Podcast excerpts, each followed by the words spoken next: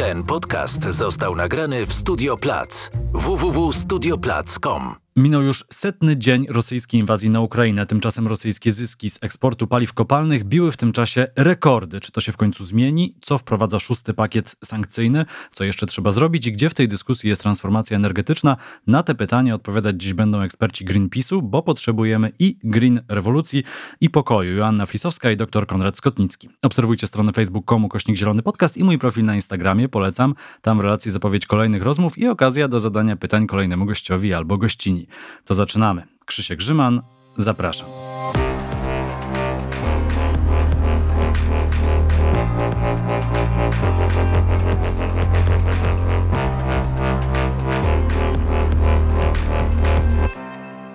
Gośćmi Zielonego Podcastu są eksperci Greenpeace'u, Joanna Flisowska, szefowa działu Klimat i Energia. Dzień dobry. Dzień dobry. Oraz doktor, chociaż z tym dzień dobry na cały czas się na tym łapie. No ale to jest tak głęboko w nas, że chcemy mówić dzień dobry, mimo tego, że wcale dzień dobry nie jest, chociaż jest słoneczny.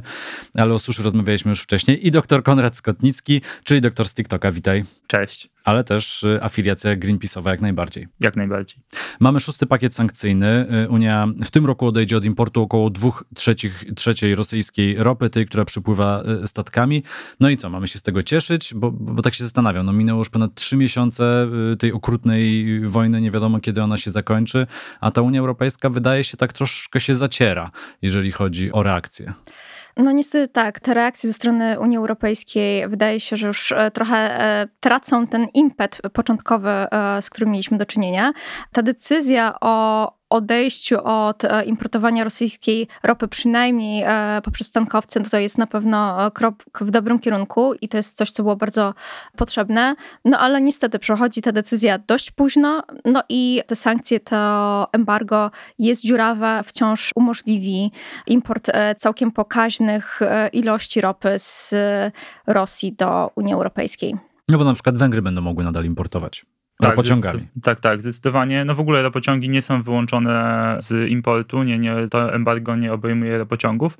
No Polska i Niemcy obiecały tak trochę na słowo, że do końca roku przestaną też sprowadzać ropę pociągami, natomiast no to jest tylko obietnica, więc y, jeżeli chcielibyśmy, jeżeli Unia Europejska chciałaby naprawdę odciąć się od paliw kopalnych z Rosji i przestać finansować tą wojnę, no to potrzebowalibyśmy pełnego embarga na całą ropę, no a w przyszłości jak najszybszej też gaz, więc no nie jest to idealne rozwiązanie. Do tego gazu może jeszcze za chwilkę przejdziemy, tylko chciałem jeszcze o tę ropę dopytać, no bo wiadomo, dlaczego niektóre kraje blokują, czy chciały blokować to embargo, dlatego jest też ten wyjątek na ropociągi. Wiadomo, że każdy mówi, że to chodzi o bezpieczeństwo energetyczne kraju, no motywacje mogą być różne.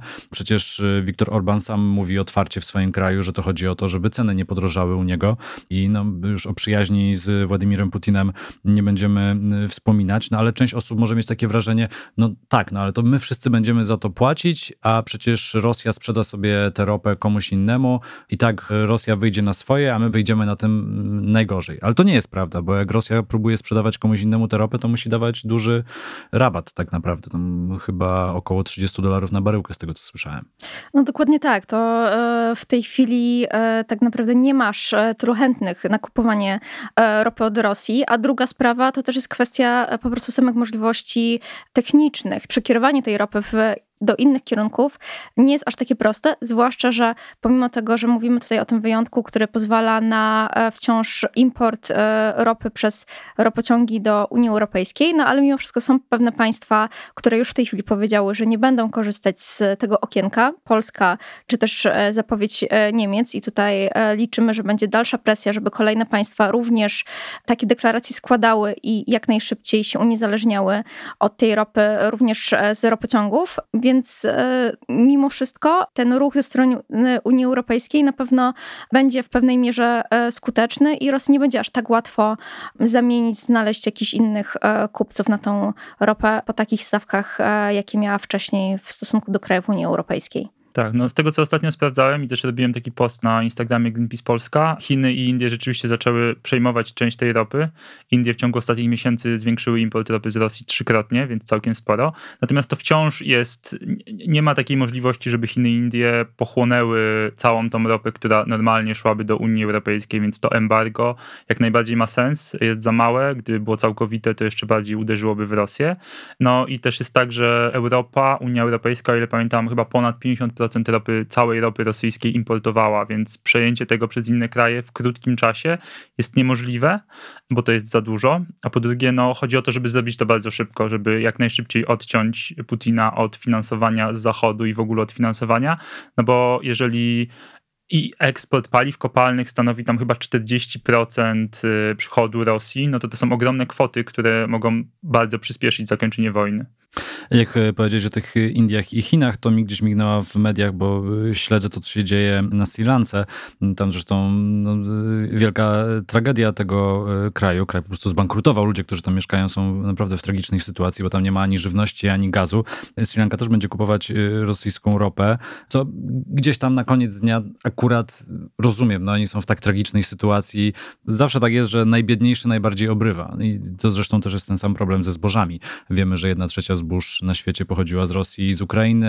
Eksport jest zablokowany i potem kraje najbiedniejsze, czy to Bliskiego Wschodu, czy kraje afrykańskie, najbardziej na tym y, cierpią, no ale to jest wątek na zupełnie inną rozmowę. No a wracając teraz do tej ropy, to tak, nie kupimy ropy z Rosji i po prostu tankowcami przypłynie do nas inna ropa, kropka.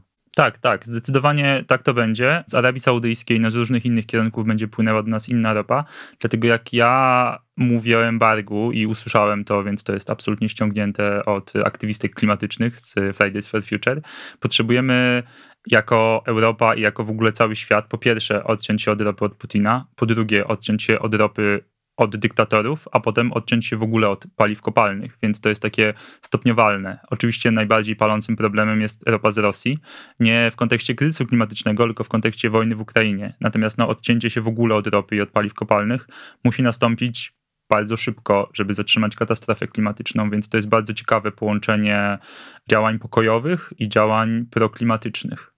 No jak mówią e, aktywistki i aktywiści, po prostu zmieniamy dealera aktualnie i to, że teraz się do nas e, uśmiechają, czy my się uśmiechamy do Katarczyków, czy do Saudów, e, no myślę, że niektóre osoby, które coś tam poczytały, też mogą mieć takie, tam się trochę podrapać po głowie, że no fajnie, fajnie, bo nas to zabezpieczy, ale czy to są takie wzorcowe kraje? Mm. No nie, tutaj tak naprawdę cały czas będziemy korzystać z ropy, która będzie krwawa w tym lub innym stopniu, więc e, tak jak powiedziałeś, zmiana dealera to nie jest żadne rozwiązanie i to jest e, to z czym mamy do czynienia teraz, to jest takie łatanie dziur na szybko dziurowego wiadra, żeby na moment zająć się tym problemem. Natomiast e, cały czas brak nam adekwatnych, długofalowych e, planów działań, strategii, które pozwoliłyby nam skutecznie, całkowicie uniezależnić się od e, paliw kopalnych, od ropy, gazu i węgla. I tutaj cały czas jeszcze czekamy na odpowiednią strategię i plany i ze strony Unii Europejskiej, ale tak naprawdę też e, ze strony naszego rządu, bo w tej chwili rząd niestety nie robi absolutnie nic, żeby zmniejszyć to nasze zapotrzebowanie na paliwa kopalne e, w Polsce. Nie, no ja też już w ogóle uśmiechnąłem, bo to, że oczekujemy czegoś od Unii Europejskiej, to ja też, ale nie, jakby nie, nie, no jakby już do następnych wyborów. Naprawdę, czy ktoś tutaj przy tym stole spodziewa się, że coś się wielkiego wydarzy w tym kraju, jeżeli chodzi o transformację energetyczną? No nie. Ja, przecież to ministra klimatu ogłosiła ostatnio, jakie są nowe kierunki importu węgla do Polski i się tym pochwaliła.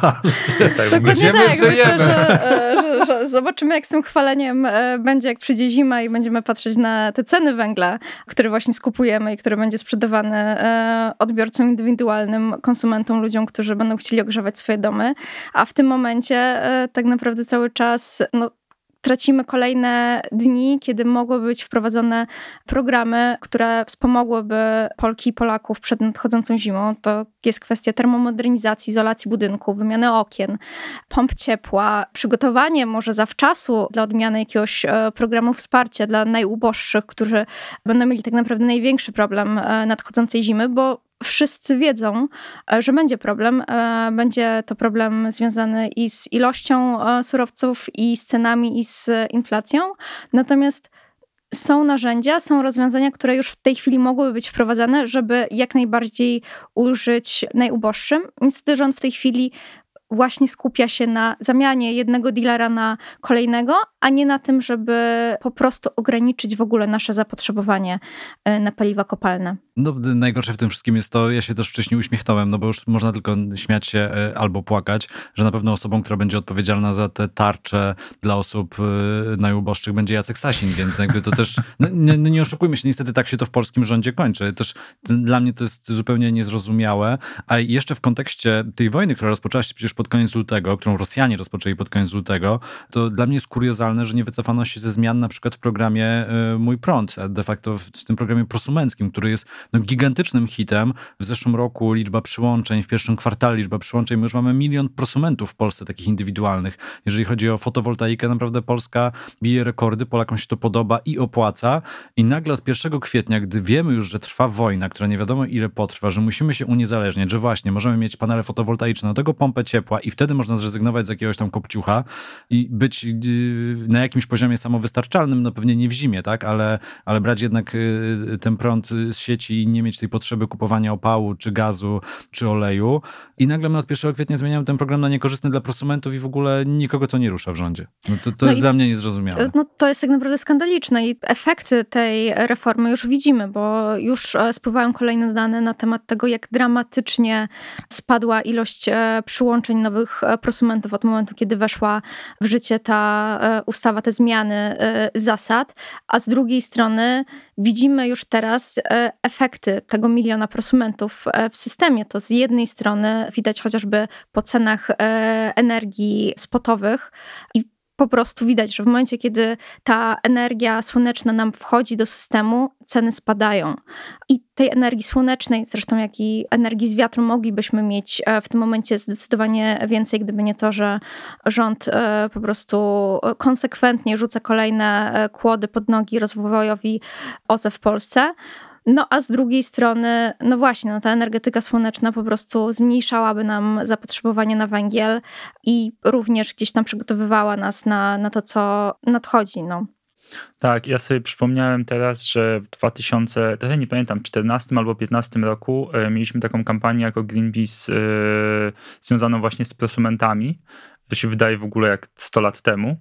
No i wtedy bardzo naciskaliśmy na to, żeby wprowadzić ustawę, która by umożliwiła ludziom jakieś takie korzystne inwestowanie w panele fotowoltaiczne, czyli żeby, o ile pamiętam, było tak, żeby odbiór prądu od nich, skupowanie prądu od zwykłych ludzi była stała cena przez kilka lat. Dzięki temu też ludzie mogliby dostawać bardziej preferencyjne kredyty na te panele fotowoltaiczne.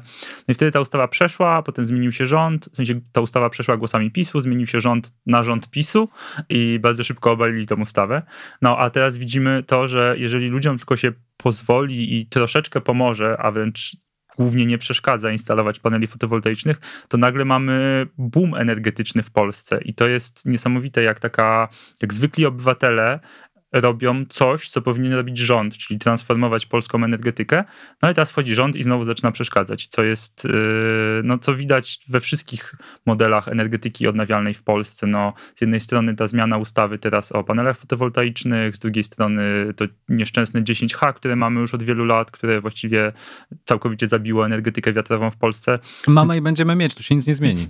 tak, no to jest, to jest smutne. Ja mam, to nie jest żaden naukowy przykład, ale e, ja się zawsze śmieję, że że wiatr wie, gdzie jest granica polsko-niemiecka i przestaje wiać na tej granicy, bo jak się przekracza tylko tą granicę na zachód, to nagle w Niemczech wszędzie stoją wiatraki, w Belgii wszędzie stoją wiatraki, nawet we Francji wszędzie stoją wiatraki, a przyjeżdżamy do Polski i tych wiatraków troszeczkę gdzieś tam w oddali widać, no ale to jest nieporównywalne jak różnica, nie wiem, dwóch kilometrów w jedną lub w drugą stronę na granicy polsko-niemieckiej wpływa na to, jak wygląda krajobraz i jak wygląda energetyka. To jest y, zasługa naszego rządu, jak strasznie wygląda polska energetyka. Speaking of wiedza e, naukowa, e, no jak już dobrze rząd polski poradził i chyba lasy państwowe wspólnie z nim, można zbierać za darmo chrust w lesie e, jako opał. No jak ja to przeczytałem, no tak naprawdę zobaczyłem to w faktach. Jak ja to zobaczyłem, to był screen ze strony internetowej oficjalnej rządowej.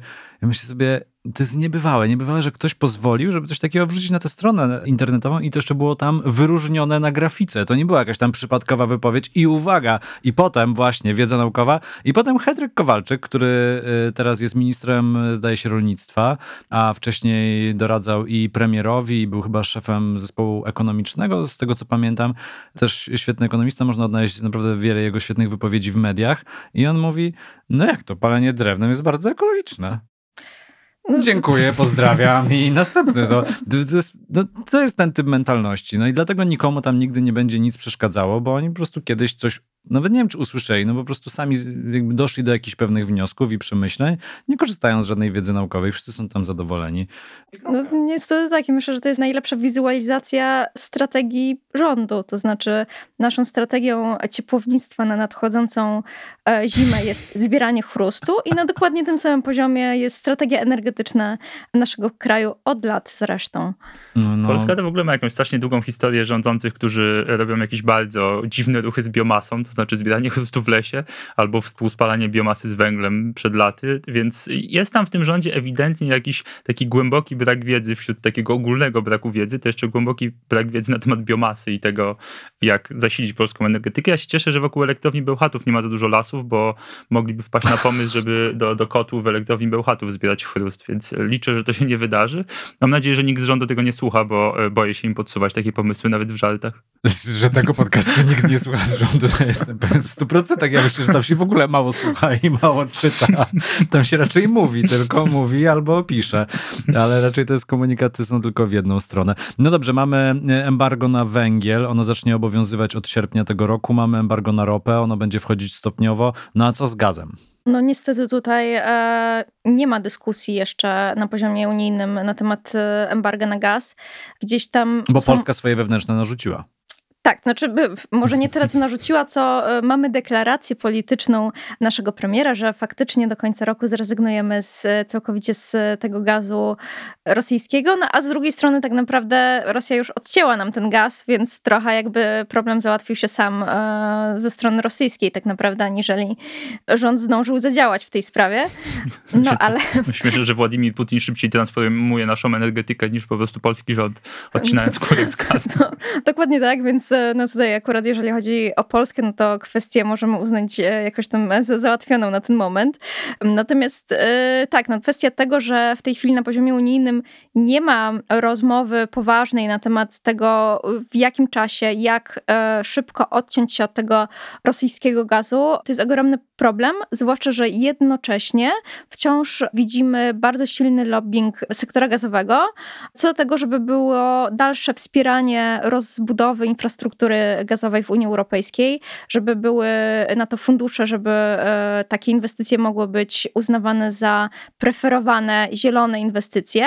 No i to raz, że generalnie rozbudowa i dalsze uzależnianie Unii Europejskiej od gazu to jest e, pchanie nas e, w kierunku katastrofy klimatycznej, no ale z drugiej strony jeszcze w dodatku w połączeniu z brakiem jakiegokolwiek embarga na ten gaz rosyjski, pcha nas w kierunku jeszcze większego uzależnienia od e, gazu Putina tak naprawdę, bo w tej chwili nikt tego w wielu krajach nie kontroluje, a wiemy, tutaj pojawił się niedawno raport Greenpeace Francja, który pokazywał jak właśnie lobby e, gazowe rosyjskie, spółki takie jak Gazprom lobbowały w Unii Europejskiej za tym, żeby uznać e, inwestycje gazowe za tak zwane zielone w takim akcie, który się nazywa taksonomia.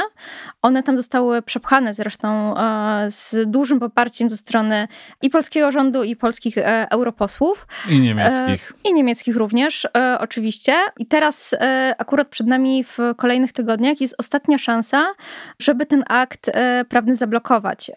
Europosłowie, w tym polscy europosłowie, będą e, nad tym głosowali. No i tutaj liczymy, że jednak głos rozsądku zwycięży i, i po pierwsze, no konkluzja co do tego, że gaz no nie może być uznany po prostu e, za inwestycję e, zieloną czy prowadzącą do zrównoważonego rozwoju, bo to jest absolutna fikcja. No ale z drugiej strony, zwłaszcza w obecnej sytuacji i kontekście e, wojny w Ukrainie, no tym bardziej skandalicznym byłoby dalsze promowanie inwestycji gazowej w Unii Europejskiej, Zwłaszcza, że są różne już gotowe analizy mówiące o tym, w jaki sposób Unia Europejska w ciągu dwóch, trzech lat nawet e, mogłaby całkowicie zastąpić e, ten gaz, który w tej chwili jest importowany z Rosji, e, inwestycjami w odnawialne źródła energii, oszczędnością energetyczną, efektywnością energetyczną. Więc my po prostu ani nie potrzebujemy tych nowych inwestycji gazowych, żeby się uniezależnić od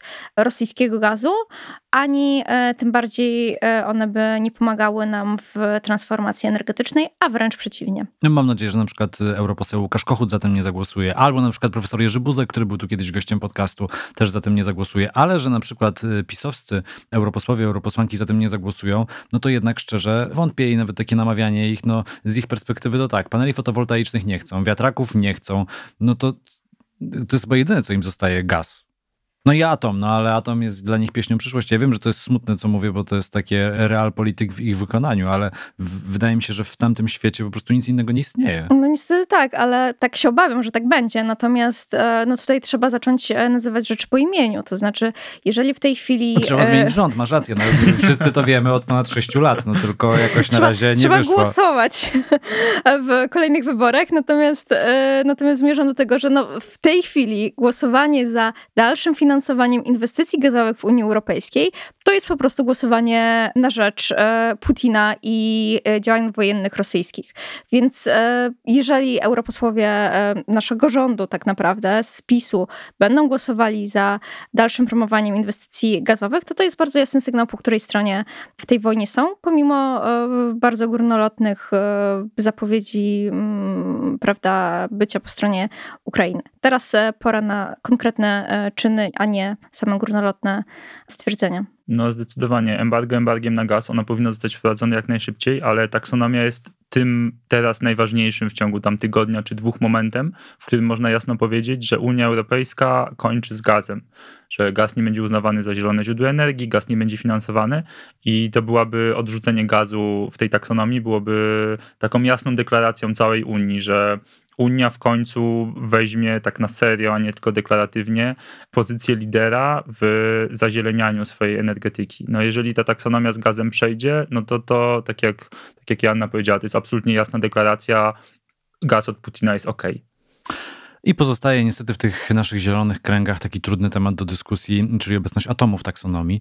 Szczególnie w obliczu tych ostatnich wydarzeń, myślę, że dla wielu osób y, to niestety mogło zmienić ich pogląd, bo nawet osoby, które wcześniej były krytyczne wobec energii jądrowej, to mogły dojść do wniosku, no to to w takim razie już nie ma innego rozwiązania. Nie wiem, jak, czy wasza optyka się zmieniła. No ja nadal uważam to, że to jest super droga energia, która powstanie super późno. Ona może zablokować energię odnawialną, bo po prostu zabierze finansowanie no i potem pozostają jeszcze kwestie środowiskowe, kwestie bezpieczeństwa.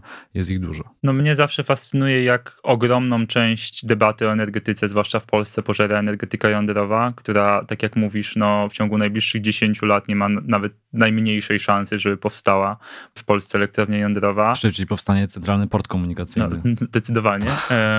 Ja też śledzę ten proces budowy, w cudzysłowie, polskiej elektrowni jądrowej od wielu lat. E, pracowałem też przy tym jako naukowiec, to znaczy byłem z tym jakoś tam związany, o czym też już wspominałem chyba w poprzednim podcaście. Wszyscy pamiętamy. I no ja jak przychodziłem w 2012 roku na doktorat, to już wtedy mówiono, że o w 2020 chyba drugim czy tam pierwszym będziemy mieli pierwszy blok zbudowany, no więc mamy 2022 i znowu zaczynamy od zera rozmowę o tym, że czas zbudować w Polsce energetykę jądrową. Według mnie to jest zbyt skomplikowany projekt, żeby Polska była w stanie zbudować w jakimś rozsądnym czasie elektrownię jądrową, skoro nawet sobie nie jesteśmy w stanie poradzić z budową elektrowni Ostrołęka, która, jak wszyscy wiemy, jest A, ogromnym Bardzo miło, projektem. że o tym wspominasz akurat w tym tygodniu, dlatego że był świetny reportaż e, w czarno na białym w TVN24, gdzie przypomniano najnowsze wyniki e, raportu NIK-u ponad e, no, tam około półtora miliarda złotych zmarnowanych. Miliarda, nie miliona, miliarda. To jest tysiąc razy milion. Tak, tak, zdecydowanie. No, miała być na węgiel, nie będzie na węgiel, zaczęli rozbierać tę część węglową. Miała być na gaz, zobaczymy, czy będzie na gaz, nie sądzę. Może za parę lat będzie na chrust, więc wszystko się może wydarzyć. To byłoby ogromne palenisko. No, oczywiście przepraszam wszystkie osoby, które są aktualnie zirytowane, na przykład słuchając nasz podcast ilością y, uśmiechu w tym podcaście, ale no tak naprawdę często rozmawiamy już na te tematy i troszkę niestety dochodzimy do wniosku, że tu się nic nie wydarzy. No, w tym kraju, ja mam taką refleksję, nie wiem, czy jest sens debatować aktualnie w tym kraju o pewnych tematach. No po prostu fast forward, no można się zahibernować na jakiś rok do czasu następnych wyborów, wtedy się zaktywizować, yy, przekonać ludzi, że trzeba brać pod uwagę kwestie klimatyczne, dokonując wyborów politycznych, bo są one ważne yy, dla pokoleń, yy, no i potem może coś się zacznie dziać. Jak na razie to nawet z tych obietnic odblokowania 10H w rządzie nic nie wyszło, wydaje się, że to jest najprostsza, jeżeli chodzi o transformację energetyczną. To o niczym innym tu w ogóle nie ma co rozmawiać. Tak, to znaczy to akurat powinien być absolutny priorytet e, rządu już zresztą od lat, e, ale zwłaszcza e, w kontekście wojny w Ukrainie, to, to już w ogóle nie powinno być żadnych znaków zapytania. No i faktycznie dalej czekamy. Jest zapowiedź, że ta ustawa trochę poluźniająca restrykcje dla lądowych farm wiatrowych ma zostać, te restrykcje mają zostać poluzowane do końca czerwca czekamy. Y, tutaj warto zwrócić uwagę na to, że wczoraj pojawiła się w Polsce szefowa Komisji Europejskiej, y, gdzie mówiono o przyjęciu. Wczoraj, gdyż rozmowę nagrywamy w piątek. Dokładnie, tak. Tak, e, więc 2 czerwca w Polsce. No nie, to zostawimy, no przecież to nie jest tajemnica. No, myślę, że słuchacze wiedzą, że jak odpalają podcast, to my nie siedzimy tam po drugiej stronie kabelka i no, nie włączamy się dokładnie w tym momencie, kiedy chcą nas posłuchać. No nie spotykamy się tak naprawdę w niedzielę rano o 6, kiedy jest publikacja odcinka, tylko jest to nagrane no dosłownie chwilkę, dosłownie chwilkę wcześniej. Więc e, tak, Ursula von der Leyen była w Warszawie, zapowiedziała, że pieniądze z KPO popłyną pod wieloma warunkami, najwcześniej pod koniec roku. No ale to, co jest ciekawe w tym KPO, przepraszam, że ci wszedłem w słowo, ale właśnie chciałem też i tak wywołać ten temat, no to jednak sam fakt, że 43% y, środków z planu w Polsce zostanie przeznaczonych na zieloną transformację, przynajmniej takie są plany. Tak, takie są plany i to jest bardzo ważne. E, oczywiście tak naprawdę z naszego punktu widzenia całość tych środków powinna zostać e, wydana co najmniej w zgodzie z kierunkiem transformacji e, w kierunku neutralności klimatycznej. Ale wywołałam to KPO, dlatego że przy zatwierdzaniu Krajowego Planu Odbudowy dla Polski pojawiły się tak zwane kamienie milowe, pewne warunki ze strony Komisji Europejskiej, od których e, wypełnienia uzależniane będą kolejne transze wpływów dla Polski e, z tytułu realizacji tego Krajowego Planu Odbudowy. I właśnie jednym z tych kluczowych kamieni milowych z naszego punktu widzenia jest warunek e, do przyjęcia tych e, luźniejszych e, zapisów dla lądowych farm wiatrowych do końca czerwca. Więc tak naprawdę to, czy odblokujemy wiatraki na lądzie, to z jednej strony jest kwestia naszego własnego interesu, tego, żebyśmy mieli tanią energię, w końcu odblokowali przynajmniej część potencjału, który mamy e, w wietrze na lądzie, ale z drugiej strony od tego tak naprawdę zależy również, czy te środki z KPO w ogóle do Polski popłyną.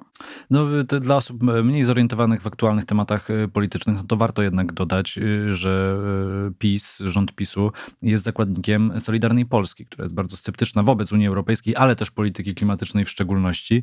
Jest tam taki, e, e, taka grupka dżentelmenów, którzy zawsze krytykują, choć niektórzy z nich tak naprawdę pieniądze z Unii pobierają. No, słynny europoseł e, dr Patryk Jaki, między innymi, ale też Bata Kempa, przecież obecna w tym obozie i to między innymi z powodu tego ugrupowania, bardzo małego, dysponującego kilkudziesięcioma głosami w Sejmie, ale acz bardzo ważnymi głosami dla większości Zjednoczonej Prawicy, wiele reform w Polsce się nie dzieje, bo to nie byłoby niczym dziwnym, że konserwatyści mają swoją zieloną ścieżkę. To się dzieje mhm. na świecie. To nie jest tak, że rządy konserwatywne powodują, że naprawdę cofamy się do średniowiecza. W tym przypadku akurat z tym zbieraniem chrustu wydaje się, że troszkę wcześniej i musi być u nas naprawdę tak strasznie zaściankowo. Y, no nie, to u nas to jest niestety wynik pewnej gry politycznej i wyniku ostatnich wyborów. No niestety tak, no ale tutaj akurat w tej kwestii nie ma żadnych wątpliwości do tego, że partie opozycyjne poprą, czy poparłyby e, jakieś poluźnienie tych zapisów e, dla wiatraków na lądzie, więc tutaj absolutnie e, nie ma nic, co mogłoby zatrzymać taką reformę, oprócz woli obozu rządzącego, oprócz woli samego rządu i premiera Mateusza Morawieckiego, więc tutaj Solidarna Polska może być tylko i wyłącznie wymówką do opóźniania działania ze strony rządu. Tak, ja jeszcze nawiązując do tego, o czym powiedziałeś i przyłączając się do przeprosin dla słuchaczy i słuchaczek, że tutaj takie nam się włączają sarkastyczne i ironiczne tony w to, to ja szczerze mówiąc, ja jestem pełen nadziei tak naprawdę. Ja naprawdę głęboko wierzę, że wybory przyszłoroczne będą o klimacie będą o energetyce. No i my też będziemy bardzo ciężko nad tym pracowali jako Greenpeace, jako ruchy klimatyczne. I ja też jestem pełen nadziei, bo ostatnio bardzo dużo czasu spędziłem właśnie z ruchami klimatycznymi, z Fridays for Future, zwłaszcza ze wschodniej i środkowej Europy. I muszę przyznać, że widzę jakiś taki moment, e, być może się mylę, ale według mnie to jest jakiś taki moment, który być może przeżyliśmy pod koniec 2018 roku, kiedy pojawiła się Greta Thunberg, że nagle Europa, tym razem Europa Środkowo-Wschodnia, zaczyna rozumieć, że to w naszych rękach powinno leżeć jakieś liderstwo w transformacji energetycznej, bo to my mamy długą historię życia w cieniu rosyjskiego imperializmu, to my mamy długą historię istnienia w zależności od rosyjskich paliw kopalnych i mam wrażenie, że to my, jako Europa Środkowo-Wschodnia, dużo lepiej niż Niemcy, Francja, rozumiemy to, że prawdziwa niezależność energetyczna powinna się opierać na odnawialnych źródłach energii. Pewnie tam jest jakaś duża składowa tego, że po prostu nie lubimy Rosji, że to jest jakoś u nas w Europie Środkowo-Wschodniej ważne, że no, jesteśmy doświadczeni przez rosyjski imperializm od wielu lat. Natomiast z tego według mnie może wyniknąć bardzo dużo bardzo dobrych rzeczy. No, widzieliśmy w ostatnich dniach aktywistki klimatyczne, które konfrontują się z prezydentem Francji Macronem. Widzieliśmy, jak naciskają na Ursulę von der Leyen podczas szczytu Komisji Europejskiej. Widzimy teraz są właśnie e, właściwie wszystkie największe i najbardziej znane osoby z Fridays for Future, czyli Vanessa Nakate z Ugandy, Greta Thunberg, aktywistki z Polski, z wielu innych krajów, są podczas 50 Plus Summit w Sztokholmie, gdzie też naciskają na polityków, którzy od 50 lat spotykają się na konferencjach klimatycznych, mówią to samo, wracają do swoich krajów i realizują dalej politykę uzależnienia nas od paliw kopalnych. Więc ja, to jest dla mnie zaskakujące. Myślę, że jestem pełen nadziei, jeżeli chodzi o przyszłe wybory i wierzę, że te wybory będą o transformacji energetycznej takiej naprawdę głębokiej i o niezależności energetycznej. A to jeszcze wracając do tego, co powiedziałem, o co was zapytałem na samym początku, bo tam zasugerowałem, że jednak coś się tak zaciera w Unii Europejskiej, jeżeli chodzi o wprowadzenie nowych e, sankcji, bo Konrad byłeś teraz na takim turze, można powiedzieć. Wewnętrzna nazwa Embargo Tour. Embargo Tour, e, dokładnie, byłeś na tej trasie. Byłeś i w Paryżu, e, i w Brukseli. No i jakie były nastroje, jak tam rozmawialiście z lokalnymi aktywistami, aktywistkami, jak właśnie też wyglądały te spotkania z politykami, polityczkami?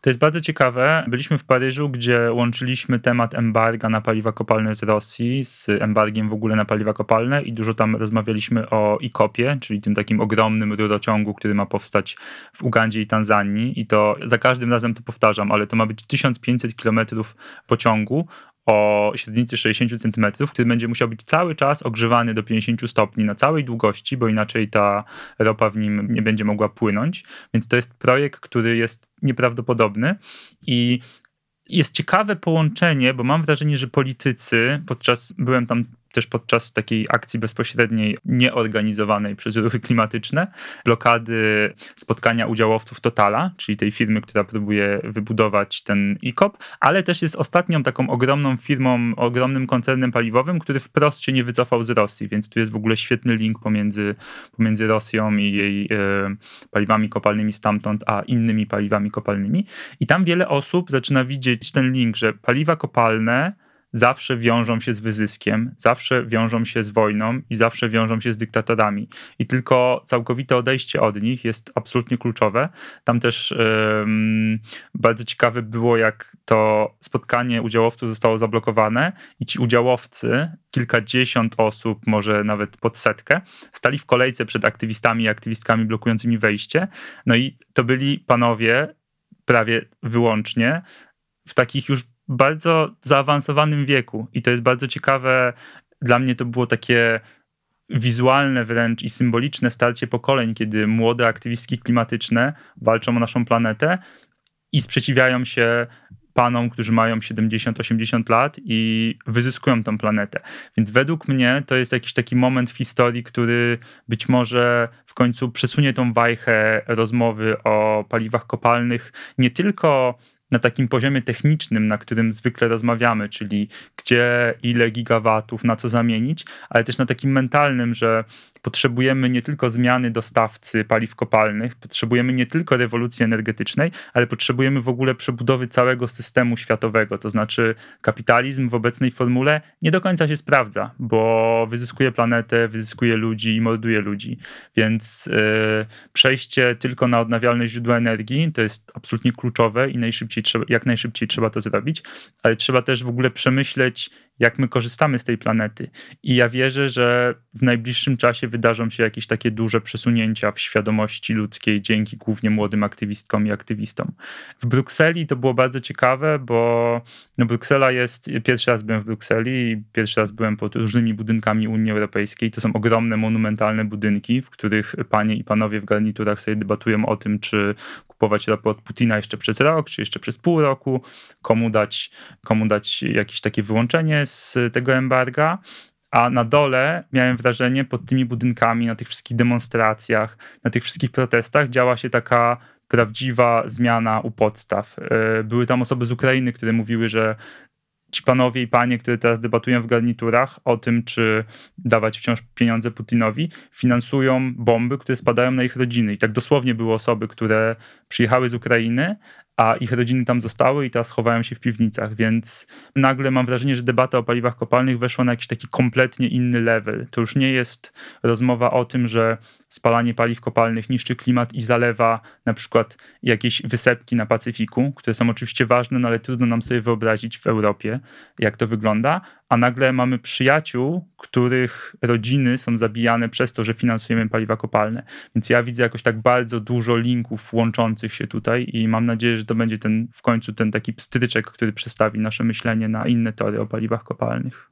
Też tylko dodał do tej twojej wypowiedzi może jedną rzecz, że rzeczywiście są tam te osoby w garniturach, które te decyzje podejmują, chociaż mam takie wrażenie też na podstawie własnych obserwacji własnego życia osób, które często pracują w instytucjach, one może są nawet bardziej progresywne, tylko że niestety ostateczne decyzje zapadają przy tym jednym stole, gdzie siedzi 27, no teraz trochę przerysowuję, tak, bo nie siedzą tam sami mężczyźni, ale głównie siedzą tam mężczyźni po 60 czy po mhm. 70 i oni mówią, no to, to za mocno, to za mocno, to skreślimy, to wykreślimy, to poprawcie i będzie tak. I to jest tym wszystkim najgorsze, moim zdaniem. Rzeczywiście ta zmiana jest potrzebna. Ja no też mam do ciebie jedno pytanie, bo jak rozmawialiśmy w marcu w podcaście, ktoś może sobie odsłuchać, jeżeli chce, to y, zapytałem cię o Nord Stream 2, y, czy ten projekt jest na pewno zakończony.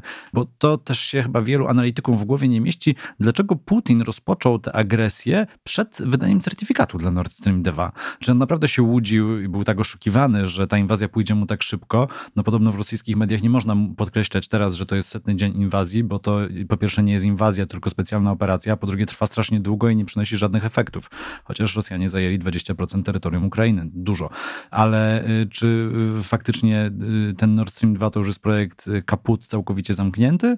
Czy jeszcze gdzieś tam ktoś się łudzi, Gerard Schroeder gdzieś tam po cichu przy drineczku wieczorem myśli sobie, a tam wiecie, poczekamy jeszcze pół roku, rok i znudzą się wszyscy, odpalimy, odpalimy. Znaczy tutaj e, jedną rzecz, którą bym chciała podkreślić, to to, że e, jednak z rozpoczęciem działania Nord Stream 2 były problemy jeszcze zanim wojna się zaczęła, więc tutaj po prostu ewidentnie to, czy ten gazociąg w ogóle zacznie działać, pojawiły się pewne znaki zapytania też e, również dlatego, że Zieloni doszli do, do władzy w rządzie niemieckim już znacznie wcześniej i to może trochę jakoś się przełożyło. Nie wiem, ciężko mi sobie wchodzić w głowę Putina, natomiast... No ale wiesz, ile ludzi z, z europejskich byłych liderów europejskich ludzi siedziało w kieszeni Gazpromu i i, i, I jednak nie szło. I jednak nie szło. O, wiesz, trochę. Nie, szło, nie szło. No jednak to wszystko powstało z jakiegoś powodu. No jednak Niemcy z jakiegoś powodu wybrali tę drogę, no. No tak, no ale z drugiej strony, no, dopóki nie działało, dopóty nie było jeszcze tej ostatecznej e, kropki nad i i były pewne poważne znaki zapytania, było wiadomo, że to otwarcie się będzie opóźniać. Ale jakby abstrahując od tego, no na ten moment ten projekt jest e, absolutnie martwy i myślę, że tutaj e, nie ma co liczyć na to, że on zostanie wskrzeszony.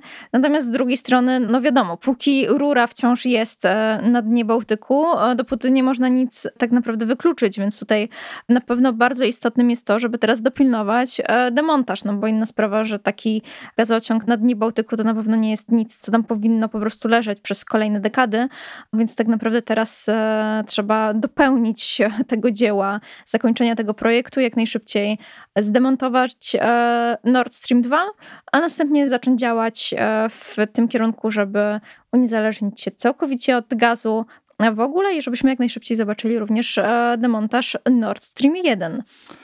E, tak, no i tym optymistycznym życzeniem bardzo Wam dziękuję za rozmowę. Joanna Flisowska, szefowa działu Klimat i Energia oraz dr Konrad Skotnicki, czyli doktor z TikToka. Eksperci e, Greenpeace Polska byli gośćmi Zielonego Podcastu. Bardzo Wam dziękuję za rozmowę. Dziękujemy. Dziękujemy. To był Zielony Podcast. Kolejny odcinek w niedzielę. W wolnym czasie zajrzyjcie na facebook.com, kośnik Zielony Podcast i mój profil na Instagramie. Polecam tam w relacji zapowiedź kolejnych rozmów i okazja do zadania pytań kolejnemu gościowi albo gościni. Krzysiek Grzyman, do usłyszenia. Też chcesz nagrywać podcasty? www.studioplac.com